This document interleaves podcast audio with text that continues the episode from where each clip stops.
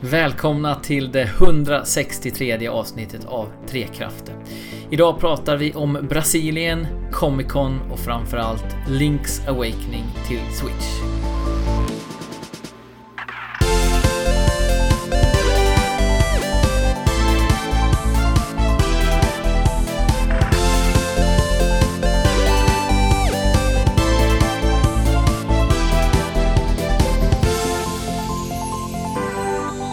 Om vi vore Street fighter karaktärer så skulle ju Andrew vara eh, den här eh, Hakan, oljebrottaren.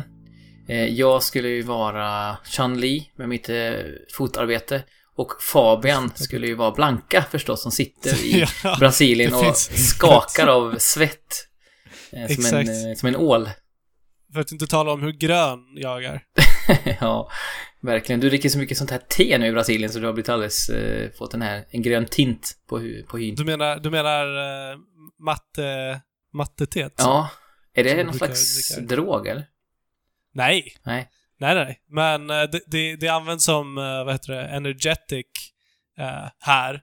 Jag vet att det är stort i Tyskland. De, eh, de, de säljer klubbmatte. Tror jag, tror jag att många som har varit där och eh, klubbat eh, Ja. känner till. Eh, och det kommer alltså från Sydamerika. Men här dricker de ju inte, här dricker man nödvändigtvis inte det eh, som en läskedryck som man gör där. Utan det, det är någon så här specialkopp som de har.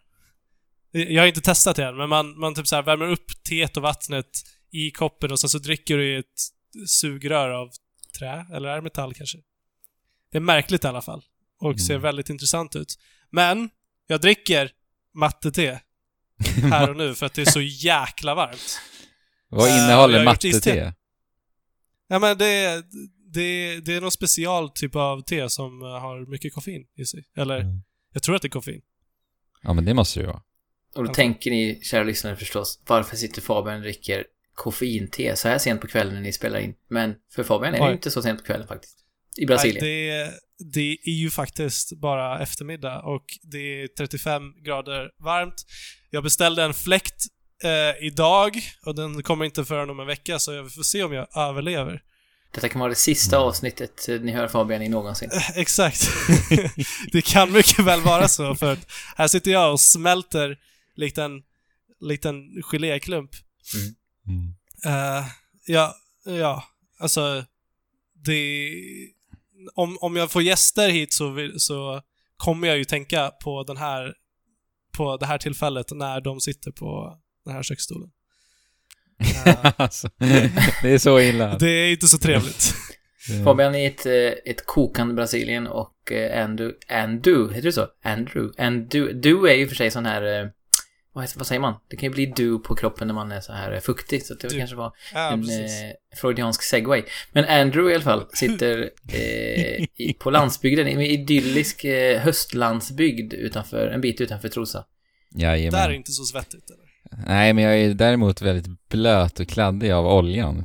Så. Ja, Ah, precis. Men jag är väldigt intresserad på skälet till varför jag skulle vara just Hakan. Ja, men jag tycker du känns liksom, han känns ju groomad, Hakan. Eh, Ja. Kanske, det var me- mest en stundens eh, ingivelse, kanske mer Guile då. Eh, Ja. Jag trodde du skulle är- säga, ja men du känns oljeinggrodd. Det är någonting. Ja men, eh, nej men mer sådär eh, eh, fi- fixad. Alltså, ja. fåfäng på ett, eh, på ett positivt vis. Så, så oljan Hakan liksom smörjer in sig själv med, det är en del av hans fåfänga. Ja, jag tänker det. Alltså jag tänker ska- att eh, ja. oljebrottning handlar om, till hälften om att få liksom visa upp sina svällande muskler i olja Ja, och hälften det- om att man, manlig närhet. Jag tror du ändå uppskattar båda. Ja, ja men absolut. Ja. Ja, det, det var förvånansvärt genomtänkt ja. i slutändan. Jag var vana vid att livesända och komma på saker eh, medan de händer, kan vi väl säga. Det är ju det bästa sättet. Som, E- Efterhandskonstruktioner, as you go along. Vänta, vem var du? Vem var... Chan-Li. Chun-Li. Chan-Li. Svällande muskler. Ja, alltså mina lår är ju det som är min, min främsta tillgång vad gäller eh, eh, muskelmassa. I och med att jag spelar fotboll hela livet och lite hockey och innebandy så, här, så att jag tror att eh, är det någon specialattack jag ska kunna eh, replikera lättast så är det nog den här ja, jag kommer inte ihåg vad den heter nu, men man, man eh, hetstrycker på sparkknappen och hon får den här. Ja, supersparkar. Mm. Precis, benet rör sig så snabbt så att man inte ser benet knappt. Så, så att det är tre ben samtidigt ser det ut som. Ja, exakt. Eller fler kanske. Men min kompis, jag kommer ihåg, jag hade en kompis som bodde utanför, ja, vi, bodde i ett- i en liten by när vi växte upp. Han bodde liksom utanför, så han åkte buss hem. Och vi roade oss med att hålla fast honom så länge vi kunde så att bussen nästan var på väg och åka iväg. Eh, hålla fast med Oj. ryggsäcken. Och sen släppte vi liksom när vi märkte att nej, nu måste han få springa. För att han var så extremt snabb. Eh, då, då fick... Det var Det så som oväntat att du, skulle, att du sa Så då fick man se hans ben som, ni vet som så här Som Roadrunner Sonic, i typ. gråben och hjulben. ja. N- när benen åker runt dem på samma sätt, man ser liksom inte benet. Så, så var det liksom, så minns jag att det var IRL. Att det kändes som en Wow. tecknad serie när han sprang. Och han hann ju med bussen oftast. Sen ibland kanske han inte gjorde det, då fick han leka med oss tills hans föräldrar kunde komma och hämta honom. Så det var ingen... Just det. Vad är det här för, vad är det här för sida av dig som jag hör? ja, lite mobbar-tendens. Men, eh, Ja, Eh, Ja, nej, jag, jag, jag tror han var hyggligt eh, med på noterna i alla fall. Jag, trä- jag har träffat honom eh, vid flera tillfällen efteråt och han verkar vara eh, vänligt inställd fortfarande till mig. Så jag tror att eh, ja, ja. ja, Ja, vad bra. kom, kom över ja det. men det var, det var en ganska oskyldig anledning till att mobba, för att ni tyckte det var så fascinerande med hur, hur snabbt hans ben rörde sig. Ja, vi spelade väldigt mycket tv-spel ihop också. Vi hade en stark, stark relation därifrån. Jag var faktiskt den första personen som klarade av eh, Turtles in Time hemma hos honom. För han hade ett SNES som inte jag hade, bara en NES. Eh, och han hade aldrig klarat av Shredder och det lyckades jag göra. Så det var ju en stor stund för oss tillsammans. Wow, jag tror inte att jag har gjort det ens. Nej, jag tyckte det var lite svårt, sista bossen. Man ska ju kasta eh, fotsoldater på skärmen för att få eh, komma förbi en fas. Det känner jag igen. Men, ja, ja. Ja. Svunna Nu- tider. Ja, precis. Det var ett ljuvt 90-tal. Om vi rör oss cirka 30 år framåt i tiden så hamnar vi på i Kista. De har byggt ett himla torn där. Victoria Towers. Ja. Eh, som kanske ser 30 år tog det.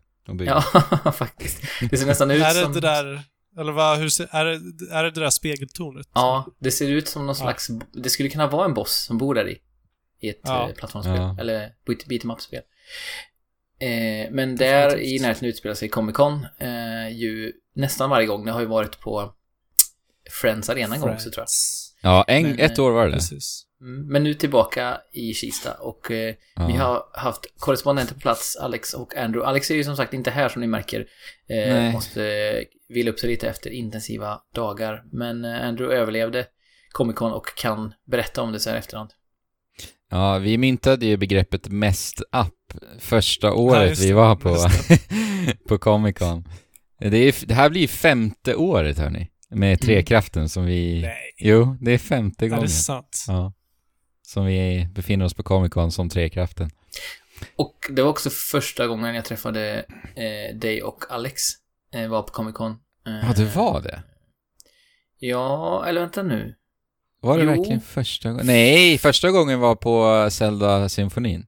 Var det? För vi... Ja. Jag kommer ihåg Ja. ni kom fram och pratade om, om Reserves-podden, alltså Premier League-podden som jag drev ett tag. Jo, jo, jo! Jo, det, det stämmer. Vi Eh. kom fram och hejade på dig, så var det. För jag, minns, jag minns det jätteväl, för det var Ja. första gången som någon kom fram i det vilda och pratade Reserves som jag inte kände. Eh, Jaha, så det var kul. fräckt. Så Det har inte då du sagt faktiskt. Tror jag. Nej, på den tiden var jag inte med, men eh, jag var ändå med lite grann då på något hörn. Ja.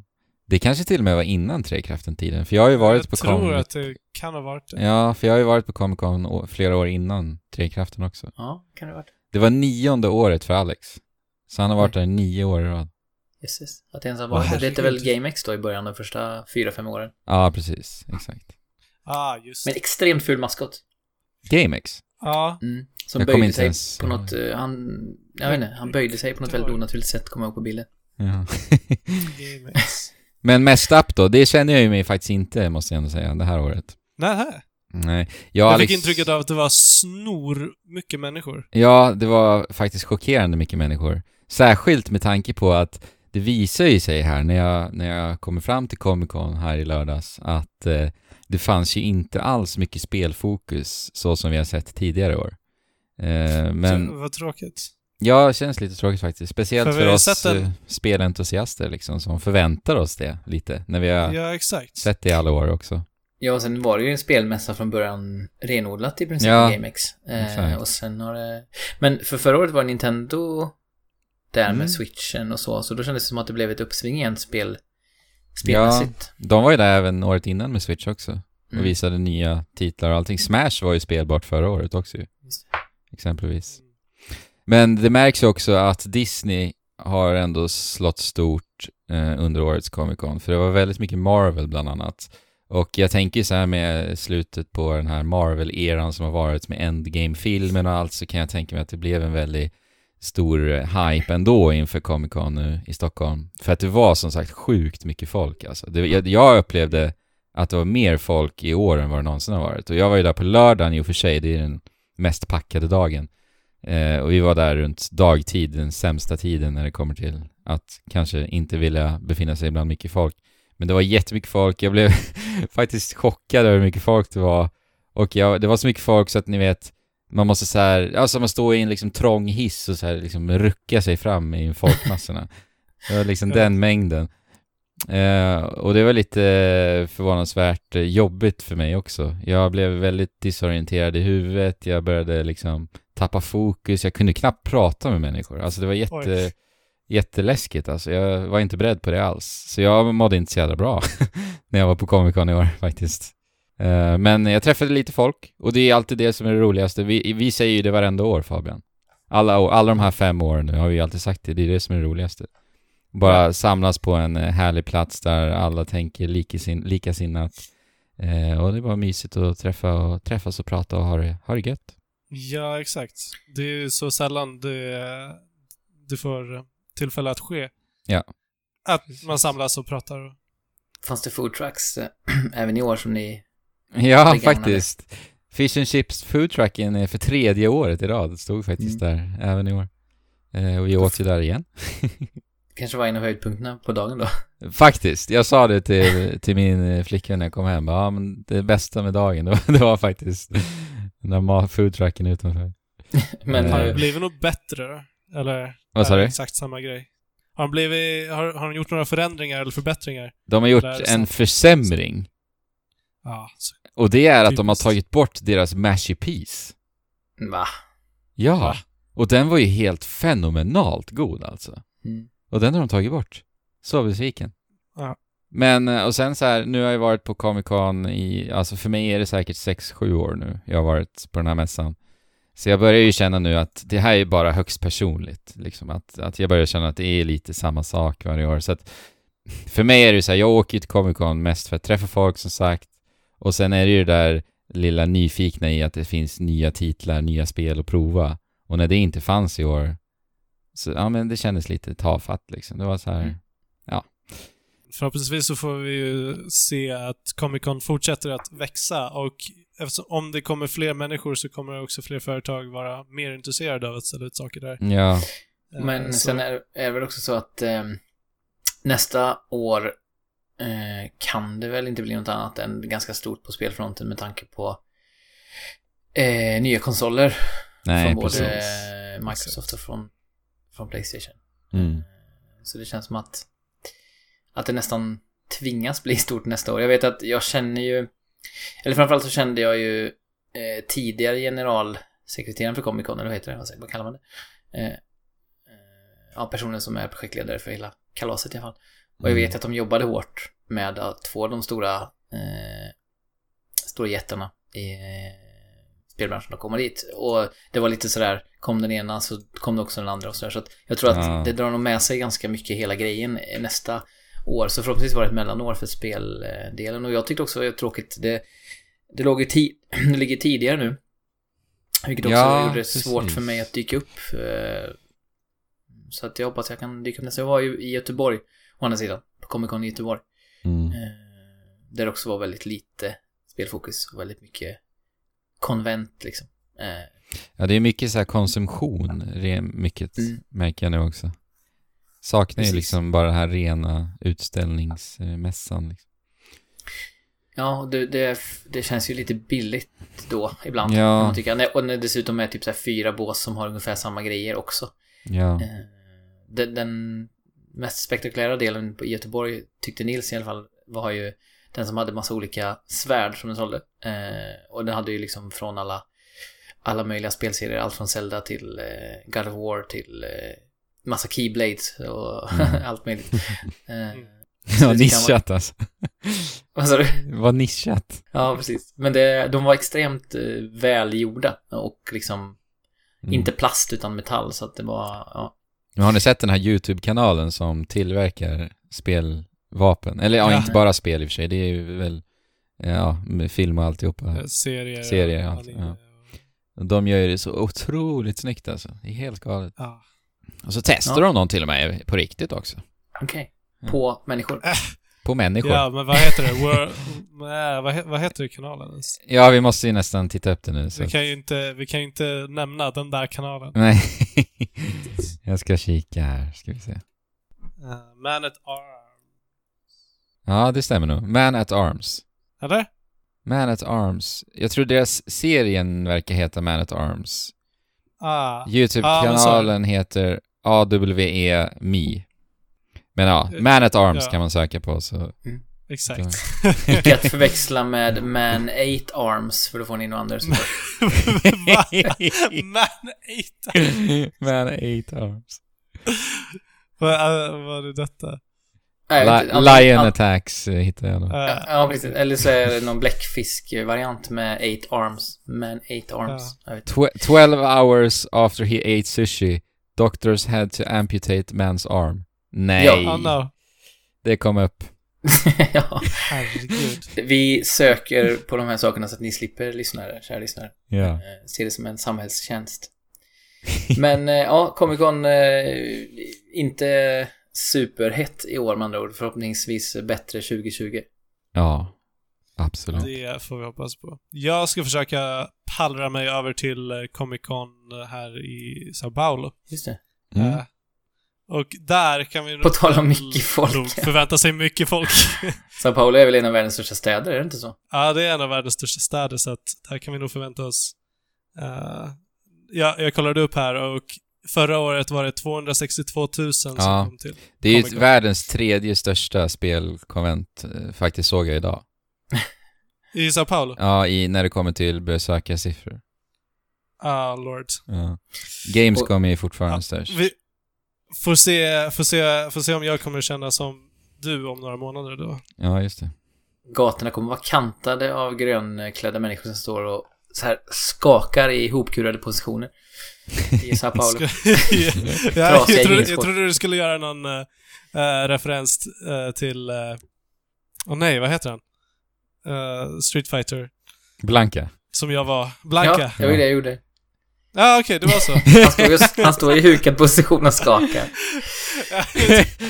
ja, exakt. Ja. Ja, men Exakt. jag har pratat om hans backstory förut i, i podden. Jag tror vi har gjort det. Jag tror inte det.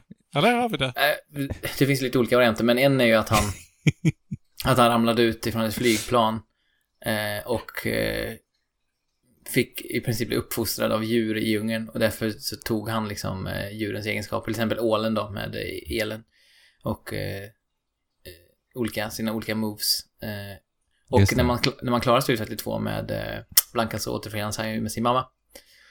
Eh, vilket är lite fint. Han, kontrasten mellan att han äter på folks skalle och att han eh, är alldeles tårögd och får träffa sin mamma igen är väldigt fint. ja. ja. Ja, men eh. Sao Paulo Comic Con, som sagt, ser vi fram emot att höra mer från om det är lite, lite mer puls än på... eh, på, på Det- Låt Kista. oss se. Det bör vara det. ja. Men Fabian, du har ju Men- spende- spenderat tid i, eh, inte bara på andra sidan, eh, jag får säga Atlanten, det är det inte, men andra sidan jordklotet, utan även i en annan värld som du har eh, faktiskt befunnit dig i fler timmar än vad du har varit i Brasilien, skulle jag tro. Totalt sett i alla fall. Inte kanske nu Tror här, du det? Nej, inte den här vändan kanske, men totalt sett måste du väl ha gjort det. Tror du det? World Alltså att du spelat Breath of the Wild längre än vad... Nej, jag, tänk, Nej. jag tänkte på World of Warcraft. Jaha! Ja, ja. Ja, jag, vet, jag vet faktiskt inte exakt, men det är ju jä- tre månader speltid är ändå en hel del. Ja. Är inte det? Hur, hur mycket skulle... Hur mycket blir det? Hade du level 60 i Ja. World of Warcraft? Jag vet inte. Ja, ja. Eh, och... Men... Hur mycket i tre månader? Hur många timmar? Jag Men oj, det är inte. mycket. Strunt i det här. Ja. Mycket tid i alla fall. där. Och nu har du liksom eh, på något sätt tänkt att ja men eh, jag spenderade, ja men säg att du spenderade några månader i World of Warcraft totalt sett i alla fall. Ja. Och så tänkte du att nej men det var inte tillräckligt mycket. Jag provar igen när, när det släpps. Nej, men, WoW Classic. men så här är det. Jag, må, jag, måste, jag måste lite få förklara mig. Nu när... Jag känner en enorm, vad, vad- vad kallar man det? Fo, fo, FOMO. Mm. Fear, fear of missing out. In, inför, det, inför World of Warcraft. För att jag blir, det är ju klart att jag blir nostalgisk när man ser eh, på Blizzards, eh, alla mina kompisar på eh, Battle.net, eller vad heter det? Mm. Ja, vad heter det? tillbaka. Battle? Ja, det har bytt tillbaka till Battle.net. Det hette ju inte Mm. det ett tag, men nu är det tillbaka. Ja, just det. Mm. Okej, men uh, Battle.net. Alla spelar WoW nätterna långa. Eh, och, och jag vet ju också att det bara kommer vara så här ett litet tag nu. Alltså, det, det är bara några månader som WoW Classic kommer vara i det här stadiet så som det har varit nu Mm. eh, den här månaden. Eh, sen så tänkte jag att jag vill ju spela med Jesper. Så jag frågade Jesper. Eh, var spelar ni? Och hur ofta kommer ni spela? Och efter, eftersom att du sa också att nej men det kommer inte bli så ofta. Någon kväll, någon kväll i veckan kanske. Eh, så då tänkte jag, ja ah, men det blir perfekt. Så jag skapade, jag skapade en eh, Dwarf Hunter på uh, servern Ash, Ashbringer, eller? Ashbringer. Så är det väl. Mm, det tror jag. Och jag, jag har haft, jag har haft en fantastisk tid. Även fast Jesper, inte, även fast jag inte träffat Jesper en enda gång i Nej. Azeroth. Jag svikit. Men jag misstänkte att det skulle bli så. Jag är väldigt dålig på att eh, vara konsekvent med saker och ting. Jo, jo. Eh, så är det. Men har dina kompisar spelat? Mm. Jag, jag är ju Ja. level 10 så jag har ändå kört en del timmar. Men eh, Ja. två kompisar vet jag som har spelat. Tre kompisar som har spelat eh, lite mer. Men nu kommer Borderlands 3 och det, det gänget, framförallt två av dem, är ju så här Borderlands-frälsta. Vi pratade om det igår när vi hade fotbollsmatch. Så sa, Ja. eh, sa jag så här, ja... Han sa ju att ja, men det är ju liksom ett av de största släppen på jättelänge, Borderlands 3. Och då var jag så här, ja, jag vet ju att den communityn som älskar Borderlands är helt bananas. Det är som att det släpps ett nytt Zelda liksom. Men det är också så här, de som inte bryr sig om Borderlands, det är så här en liten... en liten puff bara som glider förbi Jo. i release-schemat liksom. Men det är konstigt att det har... Men så då kommer de liksom att... Eh, slida över till, eh, till Borderlands nu, så att jag vet inte. Eh, men vi får väl, vi får i alla fall spela en gång tillsammans. Det måste vi göra. Ja, men det måste vi försöka se till att göra. Vad är det för? Men Men får jag fråga, vad gör ni om ni nu ska spela tillsammans? Går ni bara och... vi kör Dead Mines eller något. Ja, Är det någon vi instans av något Questa slag? tillsammans och snacka. Exakt. Mm. Som avslutas med ett stort piratskepp va? Nere under jorden där. Är det inte den? Exakt. Eh, där eh, Van Cleef-familjen eh, håller på håller, håller till. Exakt. Jag vet inte om det är en, fam- är det familj. Det är i alla fall byggaren Van Cleef som gömmer sig och försöker eh, starta ett uppror. Eh, jag vet inte, han bygger robotar och grejer. Och förhandlar med pirater. Mm. Efter att ha blivit sviken av kungen av Stormwind. Det är i princip den enda um, instansen jag kört i hela WoW faktiskt. Eh, Jaså? så att, eh, Då blir det ett kärt återseende. ja precis. Eh, och det gjorde jag ju för typ fyra år sedan på våran eh, välgörenhetsstream eh, med Sverok. Ja, nej men vilken, vilken level är du på nu? Nej men jag, jag har ju kommit till 20 på något jäkla vänster. Ja. Eh, det tar ju alltså rätt lång tid att komma till 20. Men det är också då du kan eh, som Alliance gå in i första instansen som då är Dead Minds. Det är helt Ja. sjukt egentligen om man tänker på hur spelet är, är nu. Att det första liksom stora setpisen inträffar efter 20 levels som kanske är, vad kan det Ja. vara, 30 timmar eller 40 timmar? Nej, mer. Nah, nej, inte mer. Men någonstans där. Absolut inte 30 mer. Jag timmar. vet inte, kanske, kanske 20 timmar. Jag vet inte vad, hur mycket playtime jag har nu. Tänk liksom Eh. att, att, att ett Zelda-spel skulle ta 20 timmar på sig innan man får komma in i första grottan. Ja, exakt. Eh, och att de Jo. 20 timmarna till stor del består av att vara ute på fältet och eh, slå på typ eh, moblins eller någonting. Ja, det är inte direkt Zeldas största, starkaste sida. Nej. Men jag känner, jag känner alltså, WoW, när du spelar WoW, det, det är ju inget kul spel. Det, alla quest mer eller mindre är uh, Hämta den här drycken. i resten av andra spel. Exakt. Hämta den här drycken eller eh, liksom, det, är döda den här eh, typen av eh, fiender. Liksom, det är inte mer än så. Jag, jag skulle ändå säga att ungefär hälften av alla quests är hämta den där drycken. Alltså det är sjukt många dryckesquests. Speciellt som, speciellt som Dwarf. Eh, för då brygger de sjukt mycket olika sidor och grejer som man ska Ja. hålla på och hämta. Exakt. Eh, men det är ju Men- extremt mysigt, alltså det är det. Det är ju... Exakt. Det är mysigt och det tar lång tid och det är jobbigt och det, det är svårt. Och det, det är en enorm skillnad från vad WoW har bli- blivit. Eh, och som, som ensam spel, alltså nu har jag ju spelat ensam, vilket inte riktigt är, ger en eh, rättvis bild utav vad World of Warcraft eh, egentligen skulle kunna vara när du, när du liksom timmar ihop med kompisar och eh, har det jäkligt trevligt varje gång, varje gång du loggar in och kör. Men, eh, vad tänkte jag säga? Eftersom att jag inte gjort det så har jag fått helt andra upplevelser som inte skulle vara möjligt i WoW i det stadiet som där är det som inte är Classic Mm. eh, idag. För att folk behöver hjälp när de spelar det här spelet. Men Man du kan måste. inte gå in i den här grottan med jättis ensam, för då kommer du bli helt mördad. Ja. helt massakrerad. Eh, och det, det, jag har fått många historier, eh, alltså så här, små mysiga eh, encounters med, med random folk. Ba, bara för att jag ser att det är någon som håller på att bli, bli, bli dödad av ett monster, så jag, så jag hjälper den personen. Och den Mm. personen blir faktiskt tacksam. Och sen Mm. så timmar vi upp och går och questar lite och, och Ja, snackar lite om världen liksom. Och det är ju det, det här är enormt i, i, i WoW. Alltså, Ja, i Classic det, är- det är här som gör. Det, det är det här som gör spelet så fantastiskt som det är. Och man märker ju också att så många kommer in med de glasögonen och bara så här, åh, vad härligt att få vara i den här nostalgiska bubblan lite. Och så folks Exakt. attityd är ju generellt sett otroligt mycket bättre än, eh, Ja. än eh, hur det normalt sett är i eh, online-spel. Ja. Oj, nu rasade allt. Var det det sista vi hörde av Fabian? Ja, nu, nu smälte han. Det lät som att han tappade sin, eh, Glas av något slag. ja, sin tedryck. Ja. Det, han var för svettig så att den slank ur, ur handen på honom. Om han dog nu så dog han i alla fall genom, eller liksom samtidigt som han tänkte på World of Warcraft.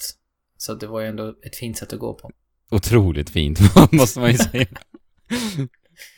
Ja, vi får se om han dyker upp här. Ja.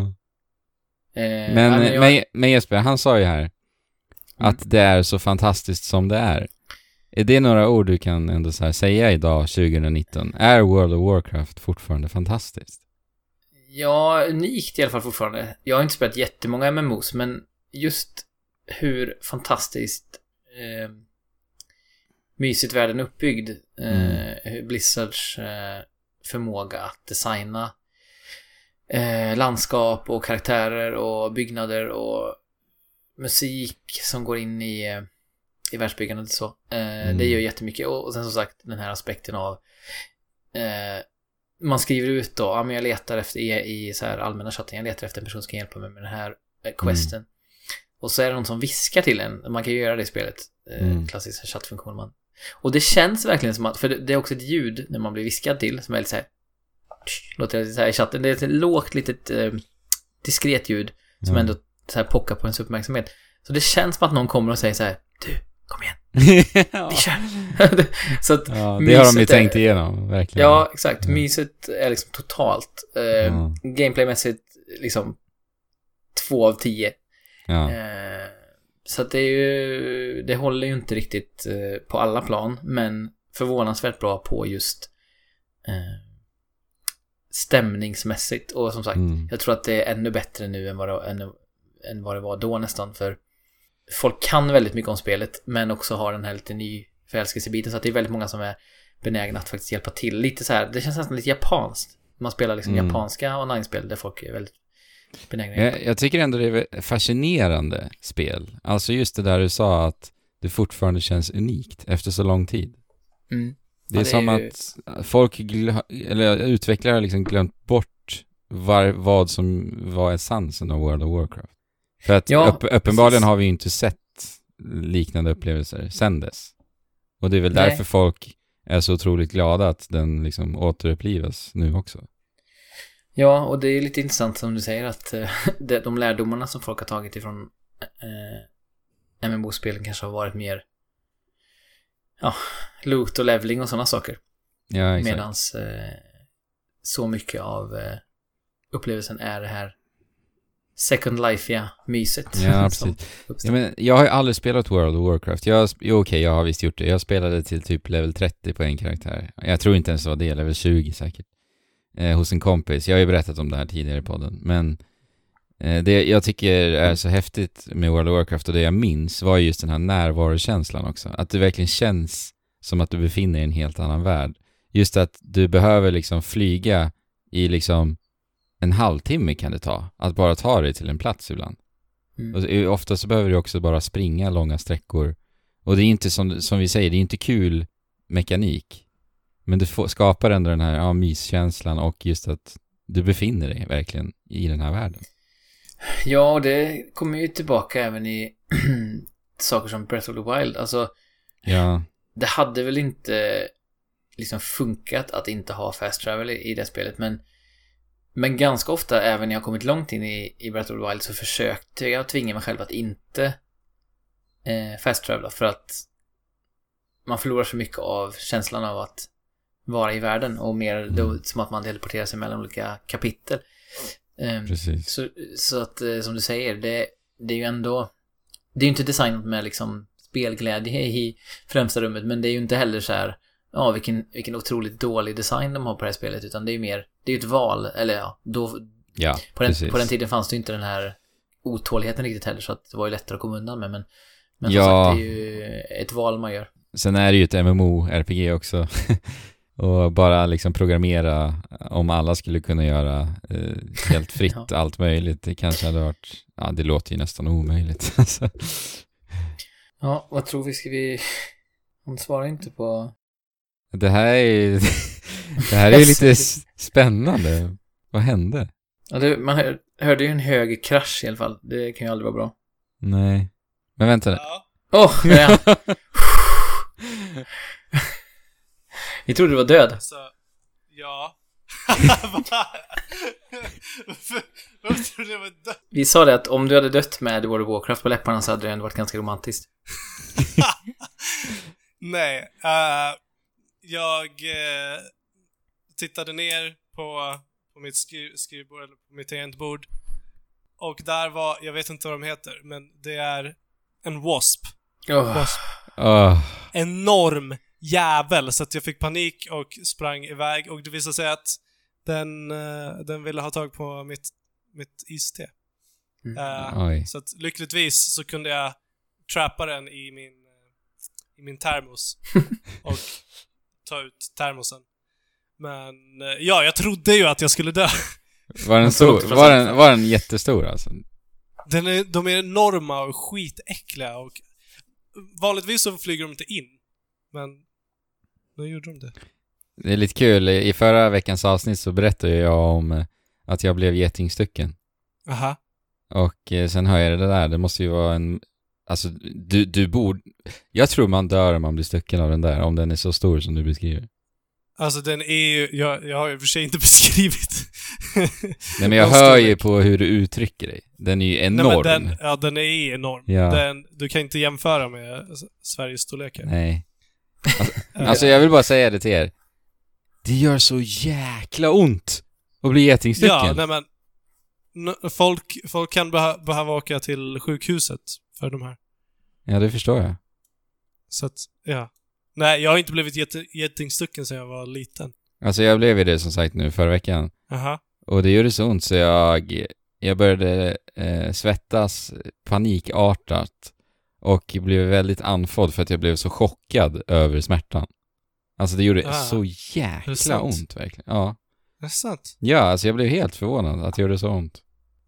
Du är inte känslig eller något? Nej, alltså jag klarar mig. jag lever.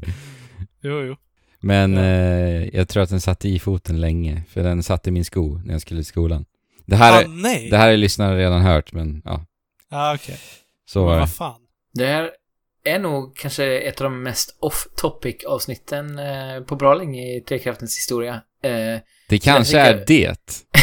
ja, Jag tror vi, har nog det. jätte, vi har inte så jättemycket nya spel att prata om så det är väl därför. Men för att liksom dra det tillbaka till spel och det allra färskaste hände? senaste så har ju eh, Fabian, förutom att ränna runt i Azeroth har du också eh, hittat ett motordrivet fordon i Hyrule. Och du är väl först i världen, Ja. först i världen med det tror jag, att hitta den här motorcykeln va? Ja, alltså, jag, jag vet inte. Det är ett jäkla kneg att få den i alla fall. ja, verkligen. Så jag vet inte om någon, eh, någon har liksom orkat ta sig... Jag vet ju att jag började spela det här DLC, eh, vad det nu hette, när man får det här, den här staven, eller vad det är, treudden som ska leda dig, gaffen, Mm. som ska leda dig till eh, nya shrines och grejer.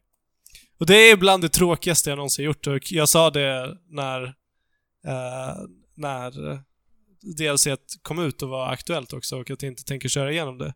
Mm. Men av någon anledning så längtade jag så mycket tillbaka till Hyrule att jag bara började köra.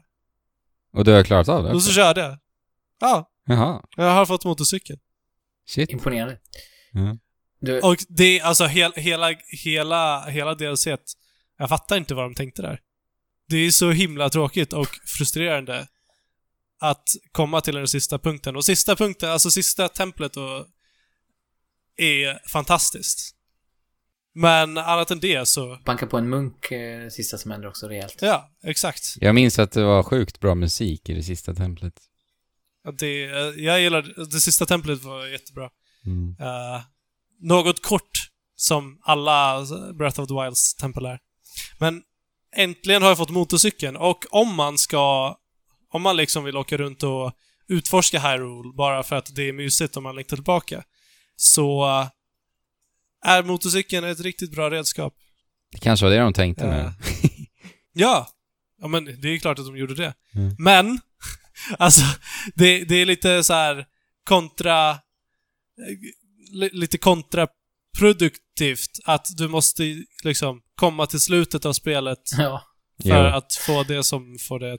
Men, ja, det är, det är troligen om du inte har gjort alla shrines och grejer, men det, gjorde, det hade jag gjort första början, så att det är inte så att jag har någon reell användning av motorcykeln. Men, Och du, det känns sjukt malplacerat att ha en motorcykel i Zelda. Men, men du får i alla fall eh, användning för alla de där monsterdelarna samlar på dig genom att du faktiskt trycker in de här armarna och tentaklerna och klorna och allting i eh, bensintanken och eh, omvandlar till bensin.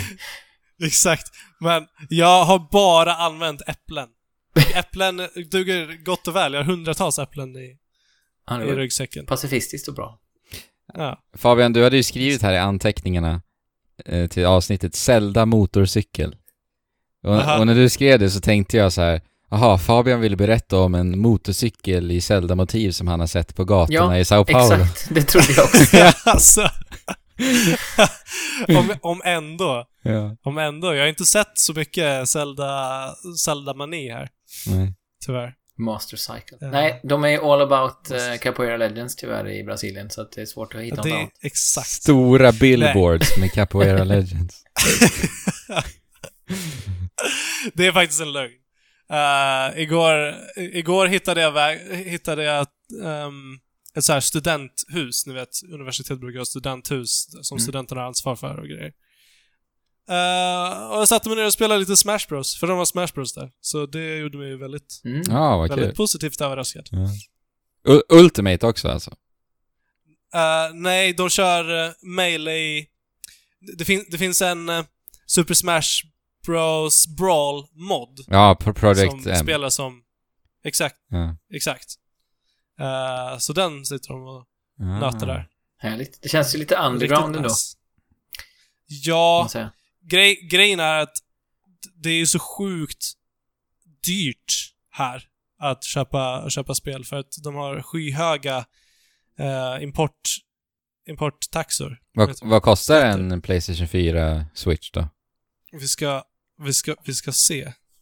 Det är alltså eh, motsvarande ungefär eh, 9000 What? What? yes, En Switch? för en Switch. Ja, Så mer än dubbelt så Och- mycket som Oj. den kostade ny? men det är motsvarande 9000 för folk som bor här och jobbar här. Wow, det Och, är, det är helt otroligt mycket pengar. Over ja, 9000. Mm. over 9000. jo, exakt. Mm. Ja, så att av den anledningen så, så är det tyvärr inte så stort. Men det är många som, som eh, är nördar och hela nördindustrin verkar eh, verkligen b- börja växa Mm. som det här nu. Och eftersom att det är konstigt att vi inte har mer spel härifrån eftersom det finns så sjukt många människor. Men det tror jag att vi kommer se en ändring av de kommande Mm. tio åren. Eller något. Men ingen sällar motorcykel i alla fall. Nej.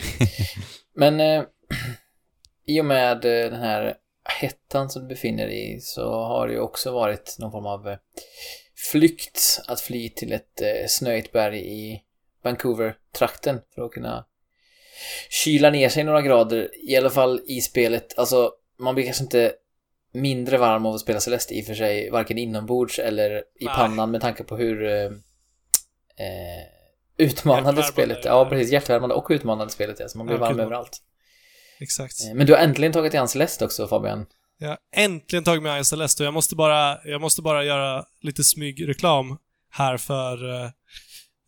v- oj, vad heter det? Epic Store. Mm.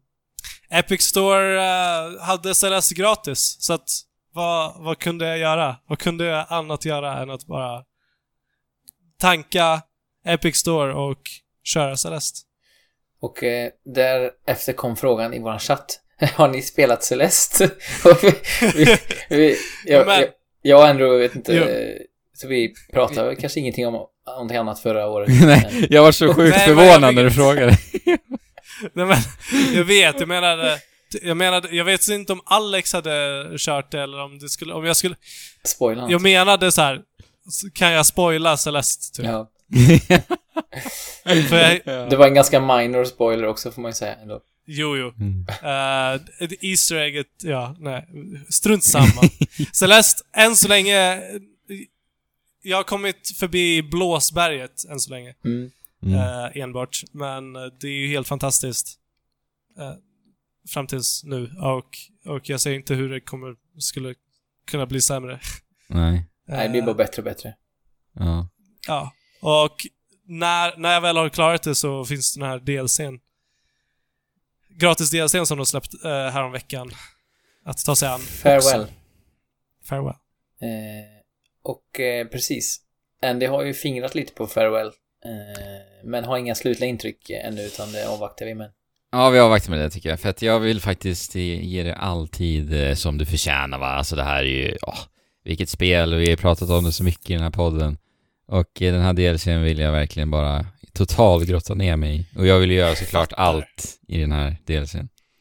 Ja, och det jag ser fram emot mest av allt i, i eh, delset är ju musiken. Det är, du noterade det innan här vi började Mm. spela in ändå att det är 40 nya låtar som Lena Rain har skrivit som är Ja. Helt sjukt.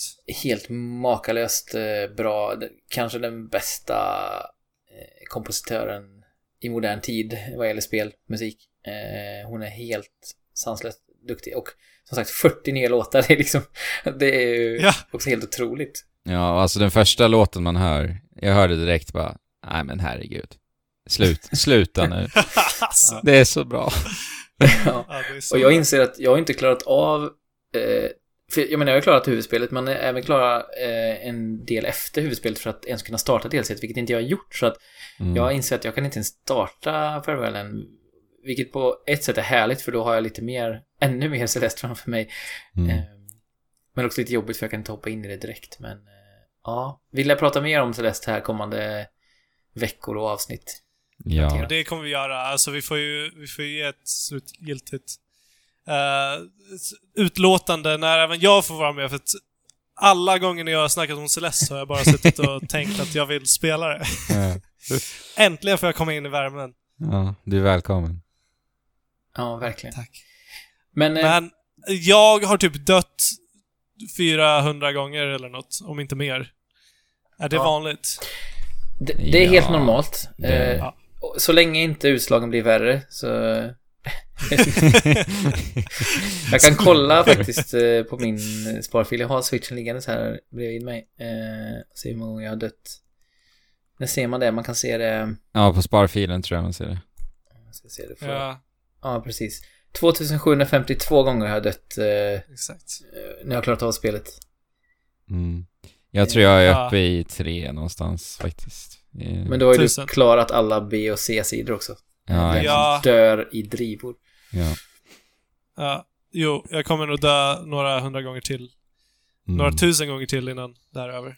Ja. Då hur hur som. eh, ivrig är du på uh, jordgubbssamlandet? Nej, jag tar ju alla jag hittar, men Ja. jag, när jag har klarat en bana så går jag inte tillbaka och letar efter dem nu i alla fall. Nej. Det, Eh, det är som hon säger, eh, eh, tanten att... Ah, eller tanten, det, är ju, det sägs ju i spelet i text tror jag. Att det är bara ändå till för att skryta för dina vänner. Ja, men det där, ja. Alltså Cele Fast- Celeste gör ju... det är ju... Celeste gör ju samlande så bra så det finns inte också. Det är typ det, Ja, bästa, det alltså- bästa sättet att göra samlande i ett spel. Ja, för att det är också Det- utmaningen att försöka bli ännu bättre på spelet och Ja. stretcha Ja, ens förmåga till max. Ja, herregud. Det, det är ju vad spelet är, bara mer Ja, men precis. av det. Alltså, som, som det är liksom inte... Om du gillar spelet så erbjuder jordgubbsutmaningarna utmaningarna dig för mer. Ja, och som sagt, Liksom.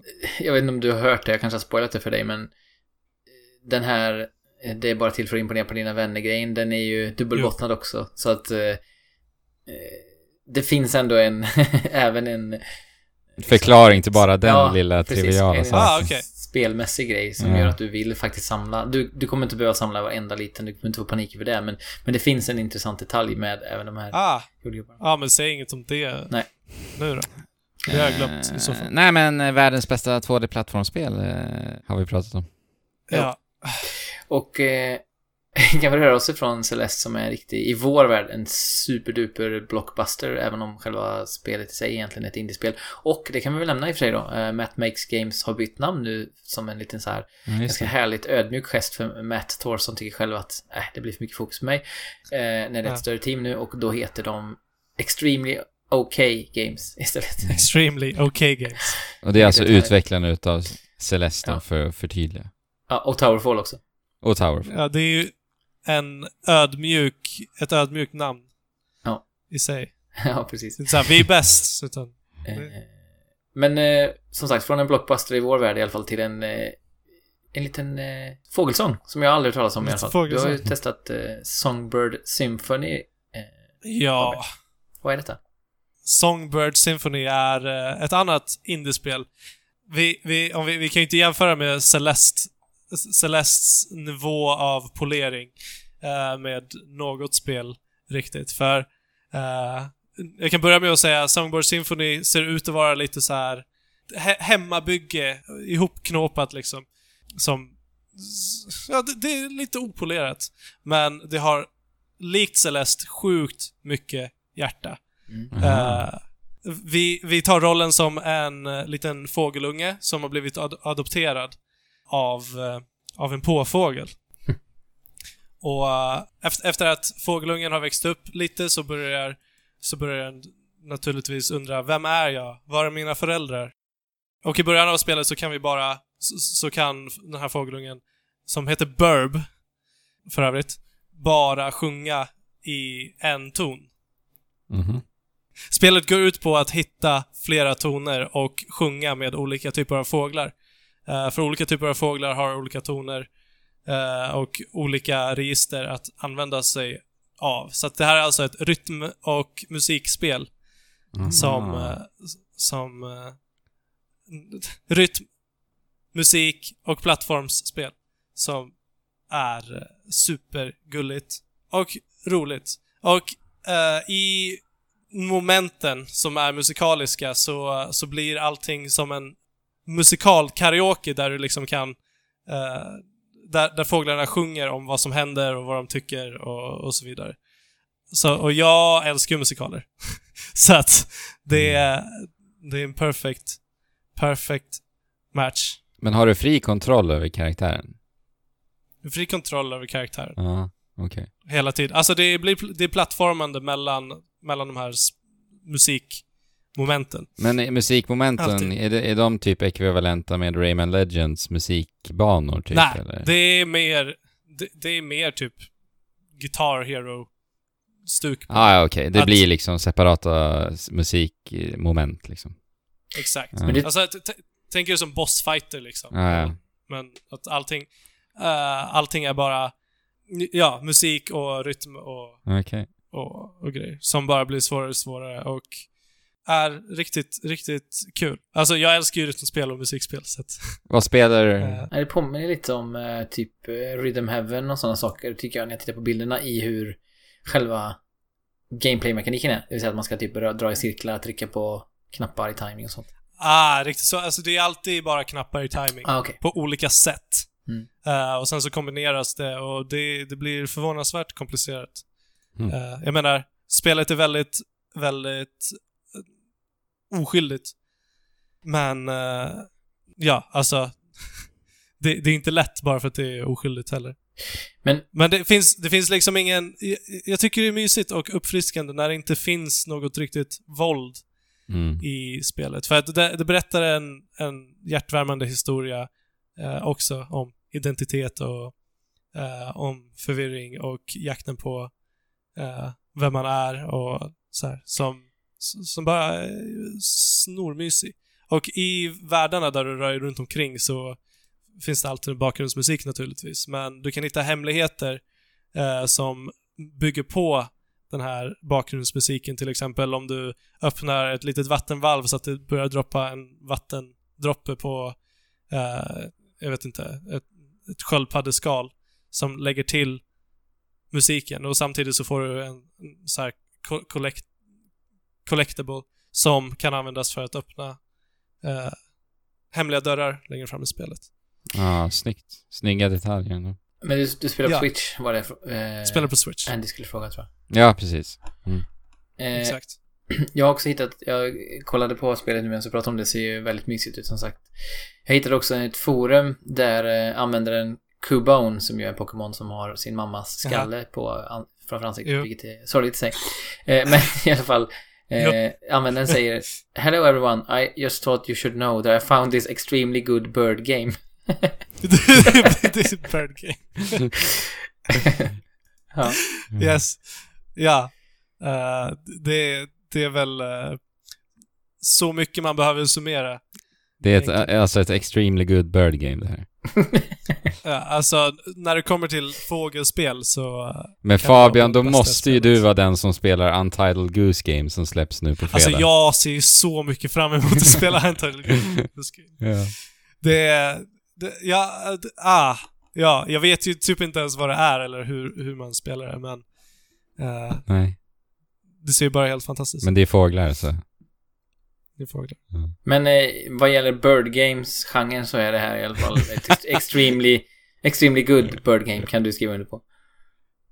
Exakt. Ja. Uh, det skriver jag under på. Men alltså, om du vill ha en liten... eh, alltså om du gillar musikaler och rytmspel eh, och vill ha...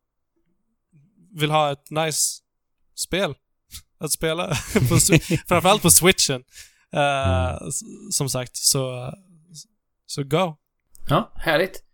Extremely Good Bird Game, även känt som Songbird, Songbird. Symphony. Symphony. Du har också spelat ett annat eh, quirky spel som inte alls är i samma genre, men eh, Apokalypsen... Eh, Bondeapokalypsen kanske man kan kalla det, eller? Onda apokalypsen. Alltså jag älskar ju Stardew Valley. Uh, Harvest Moon-genren och så. Och Mm. jag gillar ju action också. När jag, när jag spelar Twin Stick Shooters så eh, gillar ju det. Och uh, Bullet Hell, det är ju kul. Mm. Vad får vi när vi kombinerar allt det här? Jag gissar att svaret är Atomic Crops. Ja men det är exakt, exakt Jesper. Yes. Det är Atomic Crops. Det är ju inte... Det är ju inte helt ute ännu. Jag vet inte om det är... Early access Mm, tror jag att det var, kolla. eller? Det är early access. Ja. Så är det nog. Jo, men det är det. Eh, jag har inte spelat så my- mycket... Eller, jag har spelat rätt mycket. Men det här spelet är så sjukt svårt att jag bara dör hela tiden och kommer inte vidare. Det, det är ju Bullet Hell, antar jag, och sjukt förlåtande eh, spel som liksom inte ger dig... Det, det ger dig random möjligheter att liksom recuperata efter att du eh, har förlorat några liv. Men vänta. Ni vet ju inte vad jag snackar om. Så att, låt oss ta det från början. Vi börjar på en farm. Och så får vi fyra, fyra frön att plantera. Eh, vi får en 3 gånger 3 plott att plantera på. Mm. Så naturligtvis så planterar vi det här. Det finns en eh, brunn som du kan hämta vatten i och vattna, vattna de här potatisarna. Eh, sen kan du gå, gå bort från det här fältet. Eh, och det, det är då alltså fyra olika biomer som, som du kommer hitta när du, när du går åt vardera håll. Och här finns det väldigt mycket fiender när du kommer in till de andra biomerna. Eh, och framförallt fiendecamp där det finns olika saker att hitta, till exempel uppgraderingar, eh, ekorrar som har blivit tillf- tillfångatagna av eh, de, de skjutande kaninerna och flugsvärmarna som vill döda dig. Men om du då, då dödar de här fienderna så kommer du få frön och allting som du behöver för att bygga eh, din farm och döda fler fiender. Helt enkelt. Och eh, så, så går, alltså sen så när, när du hittar saker så går du tillbaka till farmen. Eh, allting går på tid så att du har två minuter på dig tror jag att hitta eh, saker och gå tillbaka till farmen. Sen blir det natt. När natten kommer så kommer, så kommer det tre vågor av eh, fiender som du måste försvara, försvara din, dina odlingar mot. Eh, och när natten är över eh, så kommer en helikopter och hämtar dig och du du får pengar för allting som du har odlat och med pengarna kan du köpa vapen eh, och nya frön och så vidare. Sen så fortsätter det på samma sätt. Det är en roguelite så att om du dör så får du börja om från början. Mhm. Och det är det jag menar, att jag inte kommit så långt. Eh, för att det, det är så sjukt svårt. Och jag bara dör. Du får komma med den feedbacken till dem nu då, när det är early access. Jo, nej. Alltså jag vet, eller jag vet inte, är det jag som suger eller är det för svårt? Eh, det är ju, det är ju frågan. Men känner du att din Stardew Valley-nerv blir tillfredsställd utav Atomic Crops? Jag skulle vilja ha lite mer fokus på, på farmandet. Naturligtvis. För det blir så... Det är mycket här action, måste vi eller? farma samtidigt som vi försvarar våra grödor liksom. Ja. Jag skulle vilja ha... Jag skulle vilja ha en lite så här fri... Fritid. Att kunna bara odla på och, och mysa. Men det är främst action som gäller, eller? Ja, alltså det är ju det är ju action, men om du ska komma någon vart så måste du hålla koll på det här och odla och det blir, alltså, jag gillar det. Jag gillar att det blir eh, så, det blir hektiskt och du måste liksom ha fokus, dela ditt fokus nästan. Ja. Eh, på, på att dels skjuta fiender, eh, väja från, eh, eh, från skott och plantera eh, grödor. Mm. Och de här grödorna vill du också plantera så att de ligger bredvid varandra. För att då om du eh, ger dem fer- fertilizers, vad heter det? eh, fertilizers, så kommer de att slå ihop sig och bli liksom ännu mer värdefulla. Så att det är intensivt och Mm. jag gillar det mycket. Härligt, men hur mycket humor är det i spelet? För det känns ju som att det är den här eh, Fallout-viben också. Ja, alltså om någon har sett den här trailern som de, som de visade f- först av allt av spelet, eh, så är, så verkar humor vara en stor del av allting. Men allt, allting är bara, allting är bara knasigt. Man kan ju gifta sig och grejer också. Ja, Men dit har inte du kommit. jag, jag har börjat flörta med folk. Mm.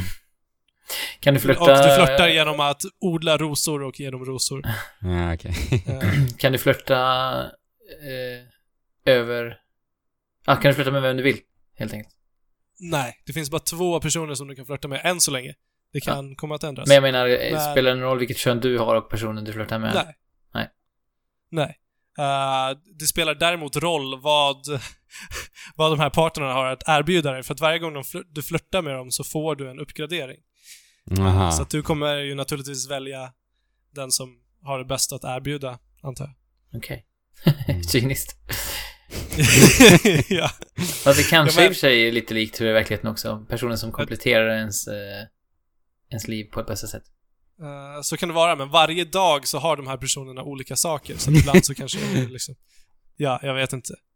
Nej, men jag kommer fortsätta spela det här. Eh, och liksom, gillar du, gillar du odling och bullet hell och twin stick shooter action så är det, är det fantastiskt. Och om... Gillar du odling och bullet hell? Ja. Vem Ja. är inte det? Vem gör inte Vem det? gör inte det? Gillar ni odling och bullet hell? Ja, men det måste jag väl ändå säga faktiskt. Eller hur? Det gillar Jag jag. lutar, jag lutar ju mer åt uh, Bullet Hell än odling, måste jag säga. Men... Att du eh, gör det? Ja. Du slår mig ju mer som en odlings... Ja, absolut. Men jag är... s- Jag är väldigt ohändig samtidigt. Eh. Ja. Men eh, om någon kan hålla mig i handen och odla så är jag... Är jag det får man väl i och för sig i det här spelet. Vad sa du? Ja, men det får man väl i och för sig i spel. Att, att någon berättar för en hur man ska göra och ploppa i Ja. den här rutan liksom. Så blir det en Exakt. växt. Så att, ja. Men, Mm. eh, men ja, det kommer vara svårt att hålla någon i handen samtidigt som du måste odla och skjuta och väja. ja, men eh, man kan, kan man inte bli... eh, Kan man inte mutera så man får en tredje arm, tänker jag. I så fall. Od, alltså, odla en Det tredje finns mycket saker du kan...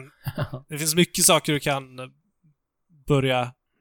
Eller det finns mycket saker som du kan samla på dig som uppgraderingar som hjälper dig såklart. Men du kan inte... Det har ingen så här... Eh, Ingen, ingen specifik handhållnings... nej, men det är ingen mutationsgrej att du på grund av eh, strålningen kan typ, som sagt, få en extra arm eller du vet så här. Inte behöva sova på Typ, ett halvår eller... typ som Double Fines Rad är väl lite Ja, så. exakt. Mm. exakt. Nej. Eller... Eh, mm, Ja, alltså... Jag vet inte, jag har inte sett alla upp, uppgraderingar i spelet, men det är ju mycket saker som eh, anspelar på att det är eh, radioaktivt, naturligtvis. Men det är inte rad. Kanske dyker upp ändå då, någon form av mutationer Ja. senare i spelet. Mm. Låt oss se.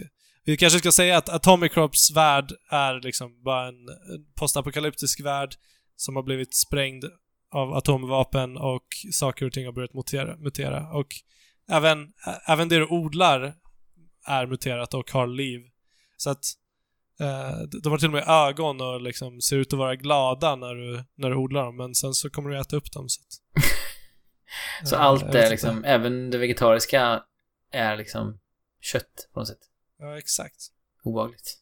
Exakt. Vi äter inte kött annars i Svårt det här att, spelet. nej, svårt att vara vegan i Crops värld.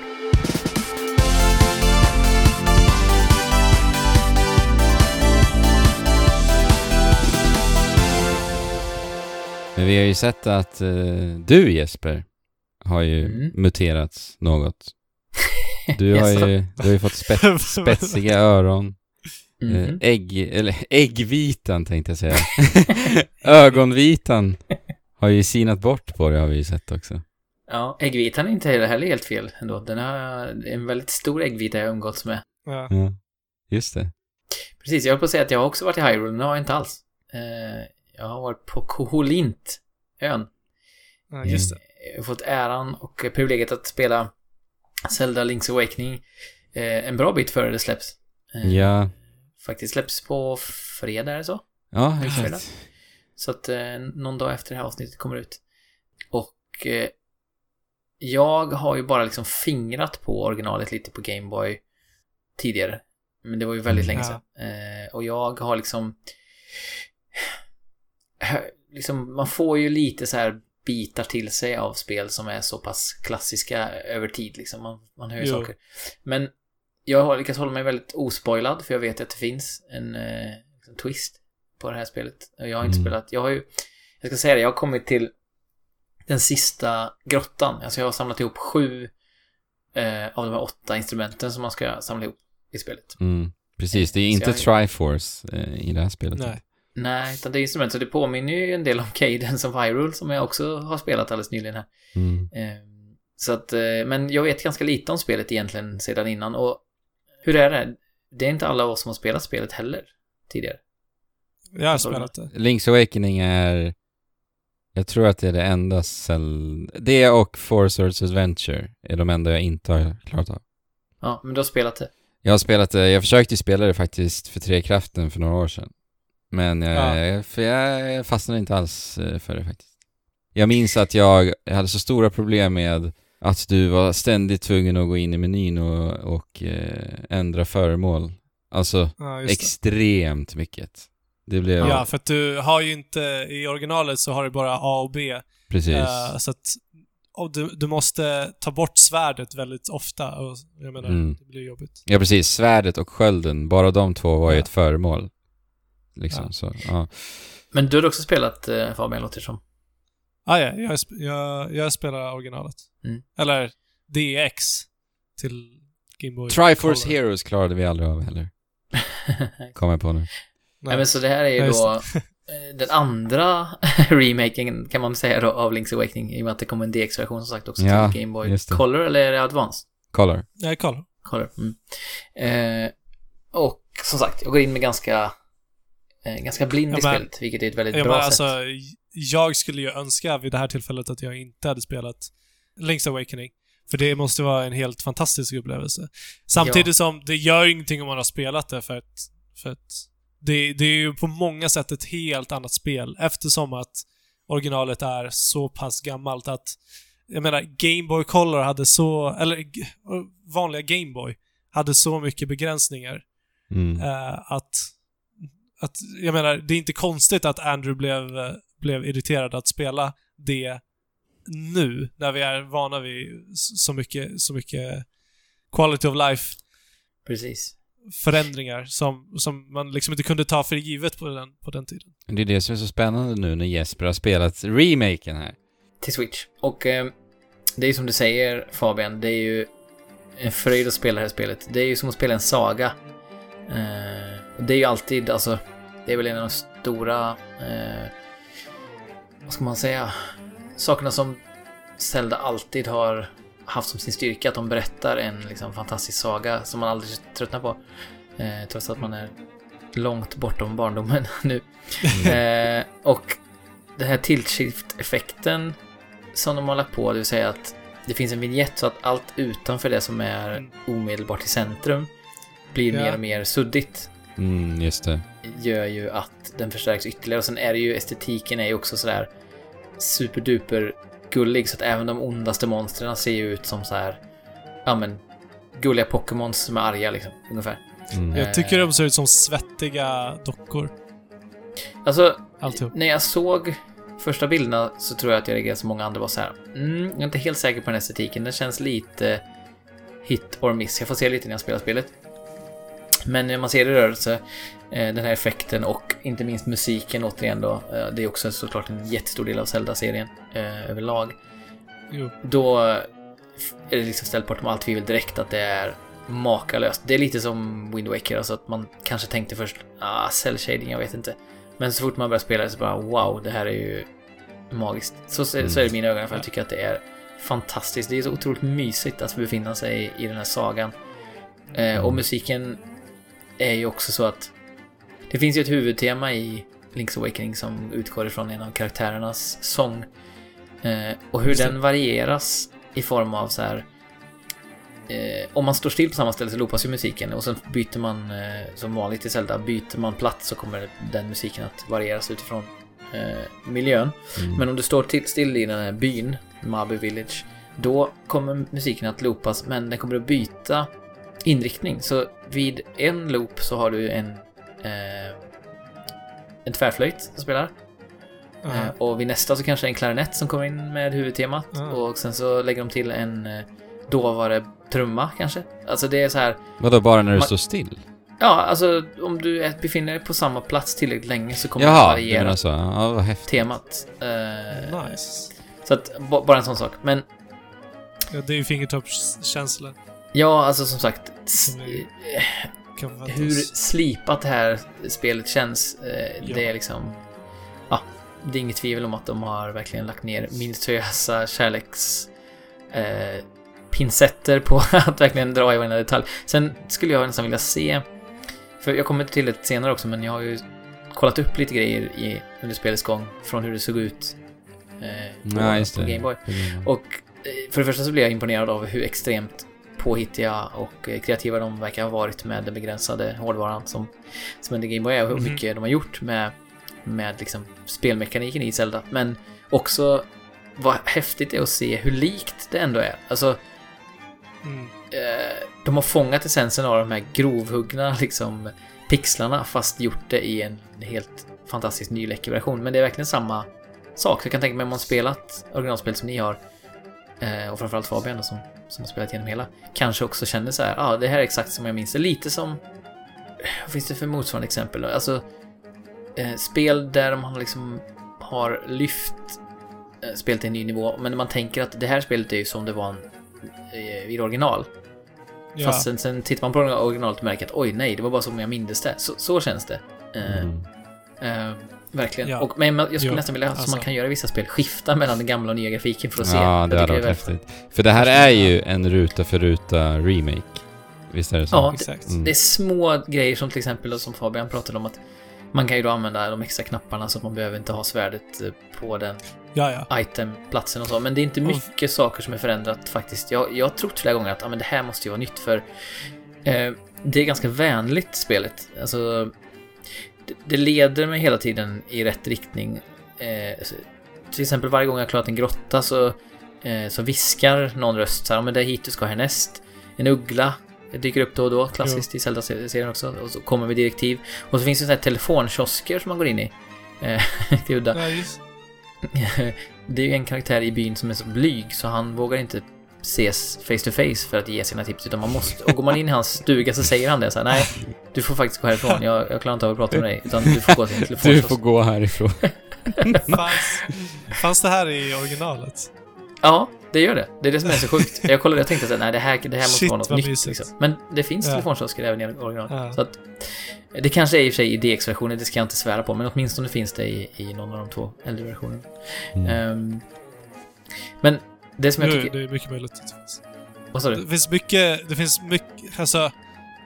Det här spelet skiljer sig sjukt mycket från vad Zelda vanligtvis eh, är. Jag menar, det, det, det är jättekonstiga fiender och vi liksom ser en change jump i byn och eh, vi vet inte riktigt alls vad som är...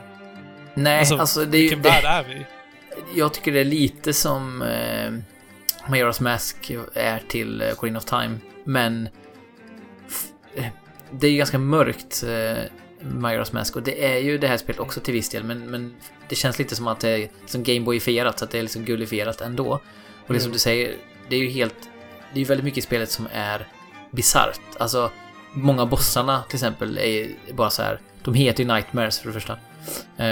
Och de är ju väldigt märkliga eh, och de har väldigt konstig dialog. Alltså som, som den andra bossen tror jag det till exempel säger så här. Hihi, I'm your next boss guy. Det är hans enda eh, som Okej. dialog. Aha. Och eh, barnen i byn eh, ger dig så här eh, tutorials hur du ska typ så här lägga in saker i dina item-menyer och sånt. Men de avslutar med så här, jag har ingen aning om vad, det, vad någonting av det här betyder, jag är bara ett barn. Ja. Och det är så här, det är så, det är så, det är så mycket konstiga liksom dialoger och de bryter den fjärde väggen också, typ som man... Om man... Alltså... man kan kolla i folks eh, hyllor och sånt i klassisk äventyrsspelstil. Mm. Och tittar jag då i, i någon hylla så, så står det ofta så här. Ja, eh, det är en hylla. Eh, eh, allt verkar okej. Typ. Allt verkar okej. det, det är så mycket dumheter i spelet som bara... Det tar sig inte på, på allvar på många sätt. Men det var ju också på Gameboy-tiden, då var det så här. Titta, du kan spelet interagera med en värld på ett spel som du kan spela handhållet. Ja. Precis. Du Ja, kan men det- titta på den här hyllan. Ja. Ja, Och det som du sa där Fabian, alltså det är ju liksom på många sätt en himla konstig mashup mellan Mario och Zelda. Eh, där vissa sektioner av, av grottor och så eh, faktiskt är sidoskrollande och där Goombas och eh, Chain Chomps och andra Ja. eh, ja, förekommer hela tiden i spelet. Eh, det är inte så här en liten, eh, en litet Easter egg utan det är verkligen hela tiden.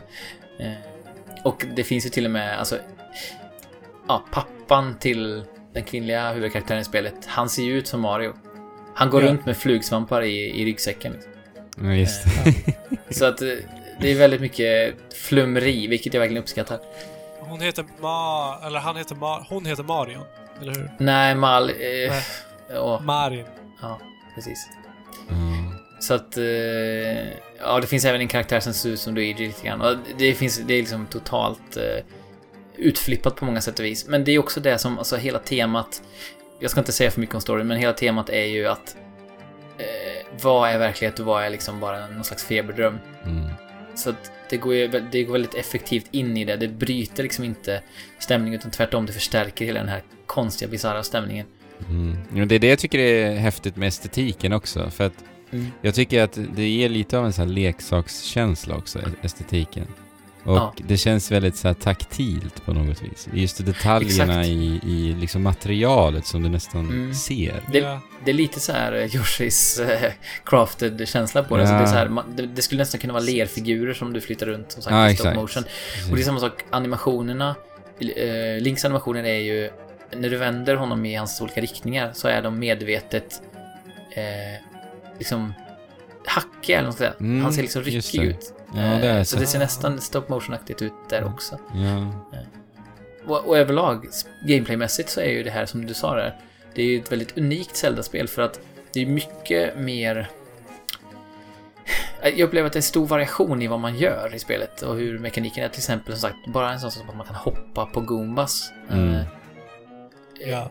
är ju väldigt så här udda och det är ganska mycket plattformande även i grottorna som man ser ovanifrån. Ja, Alltså det kan vara så här, Man använder ju Rocks Feather väldigt flitigt. ja, hela tiden. Och, och även, ja, alltså, och efter att du får Rocks Feather så tror jag att liksom, du kommer behöva använda eh, det föremålet för resten av spelet. Mm. Är det inte så? Jo, alla grottor har någonstans, vad jag kommer ihåg nu i alla fall, där du måste hoppa. Eh, Ja. Så att, Och så är det. ibland i Zelda-spel är det så här att du får ett föremål och sen använder du aldrig. Ja, den, Nej, den, en det klassiska exemplet är ju den här spinnande disken i Ah. Twilight Princess. Ja, vad fan var det? Ja, som du bara använder i ett tempel, aldrig Den någonsin. där bossen. Ja. Ja. Eh, nej, precis. Och, och det är också så att det finns ju ett föremål som är super-OP, som inte brukar vara det i, i Zelda-spelen. Och det behöver man ju inte få i spelet, tror jag. Nej, det behöver man inte. Det är en sidoquest. Och de här sidoquesten, det är ju Animal Crossing. Alltså, man går runt i Ja. byn och så någon säger så här. Ja, ah, jag behöver honung. Eh, Ja. För jag, jag håller på med att baka en kaka, okej? Ja, jag går och hämtar honung. Så säger personen, okej, tack för honungen. Här får du en burk med eh, eh, så här, eh, hundmat. Okej, jag vet en karaktär nere vid stranden som tycker om eh, burkmat. Han ska få den här.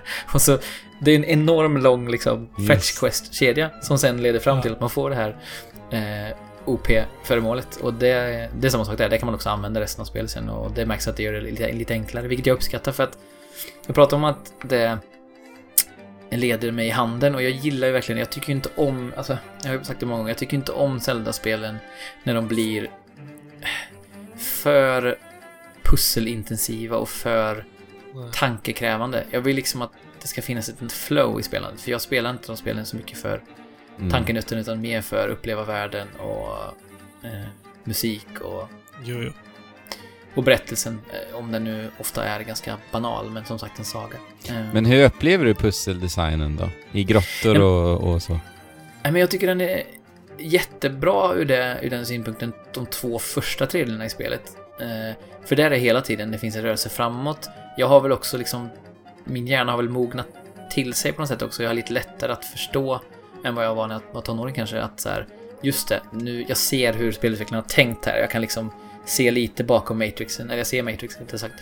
Um, och kan tänka att ja, men nu är det ju så här den, den personen Mm. som har designat det här rummet har tänkt. Så, så det är lite lättare. Och sen som sagt håller det mig i handen. Men sista tiden har jag upplevt att det har liksom ganska abrupt slutat göra det. Eh, det har blivit mer kryptiskt, lite orytmiskt. Jag blir lite stressad av det. Eh, speciellt när jag vill spela spelet färdigt för att kunna prata om det.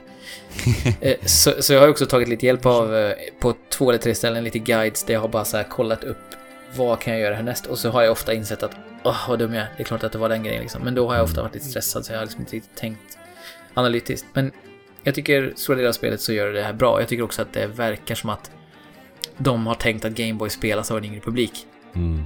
Eh, i originalet. Men samtidigt har jag hört att många tycker att det är svårt, så jag vet inte riktigt vad, vad jag ska stå på. Men känns de liksom finurliga och påhittiga eller är det så här bara väldigt rakt på sak? Alltså känns mekaniken och hur, hur du liksom löser de här fortfarande, håller de? Det är lite Ja. det. Jo, absolut. Jag tycker inte det att jag bara går igenom som det kan vara i typ Uncharted-spel och sådana saker där man bara säger okej, du ska flytta den här stenen till andra stenen. Ja, exakt. Och du Mm. vet lösningen direkt, men du måste bara genomföra det för att du ska känna dig lite duktig. Mm. Eh, utan det är ju faktiska pussel. Eh, och de blir svårare och svårare. Och det är väldigt ofta man känner sig Mm. klurig och smart när man ändå löser dem. Men som sagt, på en väldigt lagom nivå. Sen tycker jag till Mm. exempel att bossar och så är väldigt enkla. Jag har i princip inte dött på någon bossen. Nej. Jag tror att jag har dött åtta gånger totalt i spelet och då har det sällan varit på bossarna. Mm. Ja, jag till skillnad från dig älskar ju pusseldelen och just det där att själv behöva hitta lösningar i Zelda-spel. Så där tycker vi Ja. lite olika i, i Ja, men och jag tycker det är ofta så i Zelda-spelen, alltid i princip, att man i världen också får pussellösa Ja, med hjälp av de föremål man fått. Och det upplever jag också som väldigt så här lustfyllt i det här spelet. Att, Mm. eh, att man får liksom verkligen så här, åh, nu fick jag det här föremålet eller förmågan. Nu vill jag bara gå runt och testa på massa ställen vad jag kan göra för nya grejer. Mm. Eh, och det har ett väldigt bra flöde. Det är ju väl det som kännetecknar ett bra Zelda-spel överlag, att det finns det här liksom Ja. rytmen och den lusten i det. Men eh, ja, jag, jag tycker nästan det är svårt att slå på en del fiender också i spelet. Vi pratar om den här guldestetiken. Eh, det känns lite som att, så här, i och med att det finns en viss osäkerhet kring vad egentligen pågår i världen, så känns det lite Ja. som att det när som helst ska komma en sån här spec up the lines, spec up the line, spec up the line, så heter det. ja. eh, twist där så här, du var the bad guy hela tiden ungefär. Eh, Du är rädd lite för så här, det. Ja, men lite så. Ska jag slå på de här gulliga, fast de skadar ju när man inte gör det. Så att, ja. Eh, det var lite kul, jag tänkte på det som sagt eh, med andra spel, Animal Crossing och Spec, Spec Ops Online. Elin kommenterade inte att det var likt Spec Ops, det hade varit förvånande. Men där, däremot att det var likt eh, Animal Crossing, utan att jag hade sagt någonting. Ja. Eh, för när man står i en sån här eh, telefonkiosk så är det den estetiken. Så hon bara, men det påminner ju väldigt mycket om Mm. Animal Crossing. Jag bara, ja, det gör faktiskt det i, i spelet eh, på vissa sätt också. Men eh, en rörande berättelse, fantastisk musik. Eh, estetiken tycker jag som sagt träffar mitt i prick. Det kanske kan skilja sig från åsikter där, men jag tror att de flesta som kom, faktiskt får, får händerna på det spelare kommer tycka att det är, Mm. att det är lika ljuvligt som jag gör. Eh, Men, men du pratade lite om svårighetsgraden. Jag tänkte på... Det, för mig så är det ju ett litet problem, problem med Zelda-spel att jag upplever dem väldigt, väldigt, väldigt, väldigt lätta många gånger. mm. Och då undrar jag så här. Finns det möjlighet att spela Link's Awakening remaken i Hero Mode? För Hero Mode är ju ofta en ytterligare svårighetsgrad som, som ofta brukar komma efter att spelen har lanserats eller återsläpp utav spel. Till exempel Twilight Princess HD Remake fick ju ett Hero Mode. Eh, Wind Waker rem, eh, HD Remaken fick ju också det. Breath of the Wild kom Mm. det ju senare. Finns det i det här spelet? Ja, det finns ett läge. Jag, må, jag startar spelet nu medan vi pratar bara för att dubbelkolla. Eh, för jag vet att det finns ett läge. Jag ska inte ta bort Nils sparfil som han själv lyckats göra tidigare. Just det. Han har eh, spelade fram till första bossen och klarade... Eller han kom, han kom till sista bossen, klarade, han inte klara den, men så Mm. eh, tog han bort sin egen sparfil. Men hur har han upplevt att se Link ur det här perspektivet nu då? Efter Breath of the Wild? Eh, han sa så här. Först tyckte jag att det var jättesvårt att styra. Eh, men nu tycker jag att det är ganska enkelt, så han kommer snabbt in i det. Ja. Men det är ju, man märker ju att det är eh, mer krävande och framförallt just att så här. Eh, ja, nu måste du hämta det föremålet för att komma in vidare här och du måste, det är så här. Det tvingar ju in i en, i en kedja av logik som han inte är van vid. Han är ju van vid att typ spela på min sparfil där jag håller upp allting och bara liksom roma runt i Hyrule och bara göra det han vill. Nu är det ju så här väldigt mycket mer mallat. Men han har men jag blir jätte eh, överraskad över hur dedikerad han ändå blev. När han raderade sin sparfil så tänkte jag nej, nu kommer jag inte orka. Sen tog han sig faktiskt hela vägen dit igen, klarade bossen och så gjorde han samma sak igen. Jaha. Eh, så att nu måste jag spela, spela upp till den punkten där han var faktiskt. Eh, men i alla fall, för att svara på din fråga. Det finns ett Hero Mode från start i eh, Link's Awakening. Yes! Eh, Vad det härligt. står så här då. Take twice as much damage with no heart drops. så eh, mm, du får nog din utmaning om du vill. Okej. Ja, det lät ju i och för sig lite... Ja, okej. Du måste använda dig av potions. Mm. Krämer. Fairies. Krämer. Ja, men det låter ju lite spännande. Det kommer jag nog köra på. For advanced players. Ja, Sorry. ja men alltså. Ja. Eh, nej, men alltså. Har man den minsta nyfikenhet eller nostalgi kring det här spelet så skaffa det. Eh, tveka inte en sekund. Det är eh, ett grymt, mysigt, välgjort, eh, quirky, liksom älskvärt spel. Och då har jag ändå inte Ja. kommit till slutet som jag också hört är lite något alldeles extra och som jag också misstänker från det jag sett hittills av storyn Mm. kommer vara eh, fint. Så jag återkommer väl lite i nästa avsnitt och bara, bara prata om slutet, men eh, Mm. ja, nej, det är verkligen ett, ett spel. Fullpackat med, eh, med liksom den här värmen som man bara vill. Man vill befinna sig på den här ön, man känner nästan liksom värmen. Det är ju en eh, typ, vad ska man kalla det, tropisk ö eller så. Man Mm. känner nästan värmen från, från solstrålarna. De här vajande palmerna som finns överallt. Perfekt Det höstspel alltså. Super, Verkligen. Ja. supermysigt. Men jag måste bara fråga en snabb sista sak. Jag vet ju att de har ju lagt till en liten ny eh, komponent i spelet där man besöker Dante. Den här, Mm. eh, vet du det, ja vad heter det? Grav... Gravedigger. Gravedigger, gräv... Dam- Grave- Dampay heter han till och med va? Dampay. Ja, det kanske är. Har du utforskat det här någonting? Ja, men det här är ju en sån här typisk grej som jag är ointresserad av. det är därför du inte ens man- nämner det. Nej, det är Mm. en stor grej. Eh, Det är ju Mm. lite så här eh, Zelda Maker light. Eh, Ja. För att du får ju, från början då får man ett antal, första gången du träffar honom så får du ett antal eh, såna här stone slabs eh, som då kan användas som bitar i en dungeon du lägger ut och de passar ju bara i, det är lite pusslande, alltså det är första gången i alla fall och jag, det blir säkert så framöver också, jag har inte gjort det här efter första gången, den som är obligatorisk. Ja. Ehm, men då blir det som så här, vissa bitar har ju bara har tre utgångar, vissa har en och vissa har två och så måste man pussla ihop det. Och så finns det vissa krav då, att det här måste leda förbi den här kistan och så måste du komma fram till, eh, till eh, ja, eh, utgången helt enkelt. Mm. Och så får du pussla ihop det. Så det blir ju ganska mycket som ett faktiskt liksom, träpussel att lägga. Eh, och sen så kan du också låsa upp nya delar då eh, under spelets gång på olika sätt som du kan använda dig av för att bygga eh, nya variationer av dina dungeons. Och du kan också dela dem har jag förstått det som.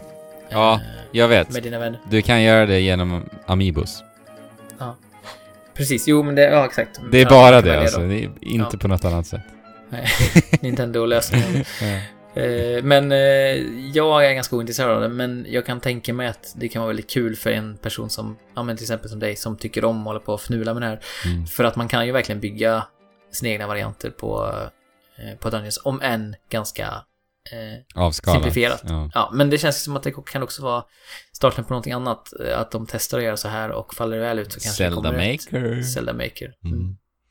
För att de har ju verkligen skelettet till det här i spelet. Ja.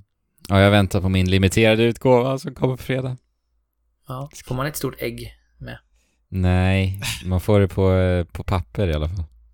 Ja, men det är ett väldigt eh, härligt eh, vitt och rosa spräckligt stort ägg som ligger och vilar i, i centrum på den här ön. Nej, i centrum men i, på berget i, på den här ön. Mm.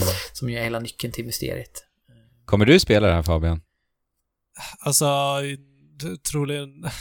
Jag vill, jag vill ju, jag blir ju snortaggad på att, att spela, spela det här spelet, men alltså... Du är mer, Det- du är mer inne i bird game-genren nu. Nej, men då, jag, måste, ju- jag måste köpa ett spel där liksom, jag vill fortfarande spela Super Mario Maker. Men jag vet inte, ha, har jag redan missat den, den vågen? Nej, Ja. det tycker jag inte. Jag vet inte. Men du ska ju spela bird games inte. nu, så att det, du får hålla dig till det. Nej men till slut, till slut så kommer vi spela det här på... Ja. Alltså det finns ju ganska mycket inslag av birds i det här spelet. Jo. Ändå. Eh, Både vänliga och fientliga. Så att eh, du behöver inte, du kan nog med, din community behöver nog kanske inte bli alldeles upprörd att du rör dig för långt bort från din. Ja, nej. Men... eh, alltså jag vill. Det, det är frågan. Eller det är svaret. Ja. En viktig lärdom ifrån Link's Awakening ska jag bara säga till sist för att avrunda det är att eh, när man läser, om man, om man står vid en skylt och så ska man läsa den och så står man på baksidan av skylten. Då kommer spelet säga till dig att the text is on the other side. så du måste gå runt skylten och läsa från rätt sida. Eh, så tänk på det i det verkliga livet också. Om du försöker läsa en skylt så måste ni stå på sidan där texten faktiskt finns för att kunna läsa. ja. gull, gulligt. Ja. Vi, eh, vi hade tänkt prata om lite fler grejer från T- eh, TGS, men eh, vi har svävat ut så mycket om brasilianska TR och annat. Och- det är inte en kritik mot dig Fabian, utan det är jag som mestadels har gjort, har gjort det. Eh, Det så att vi, vi får spara våra intryck av Final Fantasy 7 remaken verkar hur bra som helst. Eh, och Ring Fit Adventure Demonerna kan vi väl kanske också. Bodybuilding-draken. Ja, frågan är om de eh, personerna som eh, instruerade den här videon eller bodybuilding-rocken är den verkliga ondskan egentligen. Att Kan det är i frågan. Vem, vem i Trekraften kommer att recensera Ring Fit Adventure? Alla är ju sugna. Alla är Jag är så... snorsugen. Speciellt om man får med den här eh, en instruktionsvideo med den här mannen som var med i Ja, i presentationsvideon. Ja. Demonen. Alltså, demonen. Du får, får så creepy saker som, som jag har sett. Men det, det så vore ju superbra nu till Halloween. ja, alltså jag vill ha en actionfigur av honom alltså. En Amiibo. En Amiibo, ja. Ring, Ring Fit Adventure Presenter Amiibo. Ja. Snälla, ge mig det. Ja. Nej, men vi, som sagt, vi återkommer till TGS längre fram om vi känner att det fortfarande är hett då. Ja. Ma- Mario Kart Tour Ja. kommer ju vara hett i nästa avsnitt för tusan. Ja, just det. Ja. När släpps det? Nästa vecka, faktiskt. Nästa vecka. Och PS 2020 Ah, eh, spännande. har jag fått eh, lägga vantarna på. Och jag kommer väl troligtvis prata eh, lite mer Celeste och Chapter 9 som sagt och eh, jag antar att jag har klarat av eh, Iceborne till dess också. Jag spelar ju det så det heter duga fortfarande. Eh, och jag vill bara säga, det är lite kul. Jag inser ju här, nu kommer ju Chapter 9 Celeste och jag spelar Iceborne. Om ni minns när jag pratade Monster Hunter World 2018 så spelade jag ju Monster Hunter World och medan jag väntade på mina partymedlemmar ut på jakt så spelade jag Celeste. Så det känns som att jag eh, har i en tidsmaskin åkt tillbaka till förra året nu faktiskt. För jag gör precis samma sak nu alltså. Vad lustigt. Mm. Sämre kombinationer kan man ju verkligen eh, tänka sig. Ja, Ja, verkligen. Alltså, på tal om fear of missing out så... jo, Alltså, jag kommer ju- det. Jag kommer ju, eller jag har ju missat out redan på Mm. Iceborne. Ja, det har du nog faktiskt. Jag började spela, jag började spela World eh, en liten stund eh, häromdagen faktiskt. Och Mm. eh, skulle då ta mig an, eh, vad heter den här, eh, eld... Eld... eh, Det finns en del det eld alltså, men ja. ja, men i. Ancient, i Ancient, Ancient, for, Ancient Forest. Ja, uppe vad i heter det? träd- Anjana. Kronor. Anjanat, ja. Ja. Eh, Aha. Och blev fullständigt slaktad, så jag måste ha lite hjälp med den. ja, jag mötte faktiskt Fulgur Anjanath idag innan Oj. vi spelade in. Fulguru Anjatato! ja. Men eh, mer av allt nästa avsnitt som kommer om... Nu, nu är det om två veckor så att... Eh, Jajamän. har. Vi ska har inte... ni nu skaffat nya kalendrar på eh, Lagerhouse eller annat ställe så kan ni fortsätta tryggt ha dem eh, uppdaterade så som de är just nu. Ja. Så att eh, det var det för denna vecka. Eh, hoppas att du, du eh, slipper eh, påhälsningar av fler sådana här eh, jordgetingar eller vad det var, eh, Fabian. Jag kan skicka en bild. Men, nej, jag vet inte vad de heter. Och, eh, och Andy hoppas att eh, du repar dig från din traumatiska Comic Con-upplevelse. Ja, jag trodde du skulle berätta någonting om min insmorda olja på mig, men... Ja, du kanske behöver ta lite eh, bad, ta ett aromabad för att komma i balans igen. ja. In, Ja. Inte bara i Monster Hunter Iceborne utan även Just IRL, så det. Du borde ju lajva, i och med att du har en katt som ser ut som, eh, som en Monster Hunter-katt, så borde ni kunna lajva, sitta i ett, en, eh, ett badkar, en sån här tunna, samtidigt som du spelar eh, Iceborne ute i, i på verandan. Fotbada med min katt. Precis som i spelet. Do it och lägg upp på vår Instagram, så vi får se. Nu, nu måste du göra det nu vi har sagt. Nej, jag, jag har inget bad här hemma. Skicka Andrew en badtunna så löser vi det, kära lyssnare. Ta och, eh, vad heter det, stöd vår Patreon för eh, Andrews badtunna. För Andrews- Patreon kanske vi ska sätta upp. Det har jag tänkt på faktiskt. Mm. Det här kanske blir eh, det som faktiskt får eh, bägaren rinna, rinna över så att säga. Att Ja. vi behöver en badtunna. Precis. Ja. Men, eh, nog, nog grabblat för idag hörni. Trekraftens att mest ivägsvängda avsnitt alltså. Ja, och det är helt oväntat eh, att det kommer när jag är eh, programledare för dagen också. Det är en ren slump. Men eh, hörni, ha det så bra nu både Fabian, Andrew och alla ni som, som eh, lyssnar och eh, spela på hörni. Och chip. Tjola.